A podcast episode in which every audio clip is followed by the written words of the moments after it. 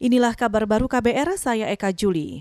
Saudara Presiden Joko Widodo meluncurkan program subsidi upah bagi pekerja swasta dengan gaji di bawah 5 juta rupiah. Jokowi mengatakan program ini bertujuan untuk mendongkrak daya beli masyarakat yang terdampak pandemi. Selain itu juga sebagai bentuk penghargaan bagi pekerja dan perusahaan yang patuh membayar iuran BPJS Ketenagakerjaan. Hari ini kita lengkapi lagi yang namanya tambahan subsidi gaji. Totalnya nanti yang akan diberikan adalah 15,7 juta pekerja diberikan 2,4 juta rupiah. Ini memang diberikan kepada para pekerja yang terdaftar di BPJS Ketenagakerjaan. Yang diberikan ini adalah kepada para pekerja dan perusahaan yang rajin membayar iurannya, iuran jam sostek. Itu tadi Presiden Joko Widodo saat meluncurkan program subsidi upah di Istana Negara hari ini. Jokowi menambahkan, subsidi upah merupakan bagian dari program bansos yang digelontorkan untuk mengatasi dampak pandemi. Program-program lain yang sudah diluncurkan di antaranya bantuan langsung tunai dana desa, subsidi listrik, bantuan sembako, hingga bantuan modal UMKM. Pada kesempatan yang sama, Saudara, Menteri Ketenagakerjaan Ida Fauziah menuturkan proses validasi data pekerja penerima subsidi gaji terus dikebut.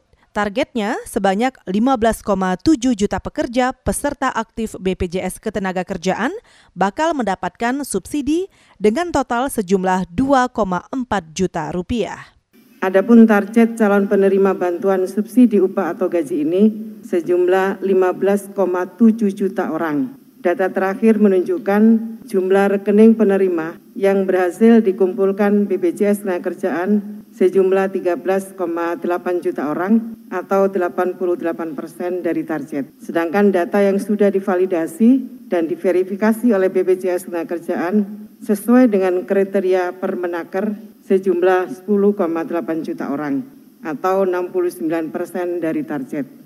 Menteri Ketenagakerjaan Ida Fauziah juga menambahkan, bantuan akan ditransfer langsung ke rekening penerima melalui bank yang tergabung dalam Himpunan Bank-Bank Negara atau Himbara.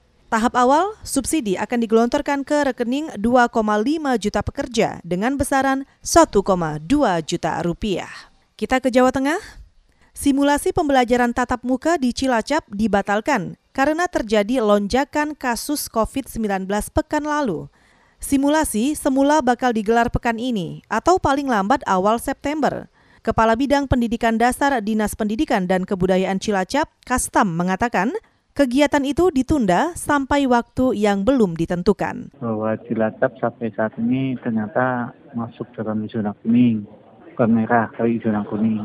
Tetapi hasil itu belum termasuk hasil set yang terakhir. Nah, hasil set yang terakhir itu kemungkinan akan muncul dari kami. Sehingga kita belum berani mengatakan kapan, tetapi kita dalam tahap persiapan. Kepala Bidang Pendidikan Dasar Dinas Pendidikan dan Kebudayaan Cilacap, Kastam, juga menambahkan, bakal menggelar rapat koordinasi dengan otoritas terkait guna mengevaluasi kemungkinan melanjutkan persiapan pembukaan kembali sekolah.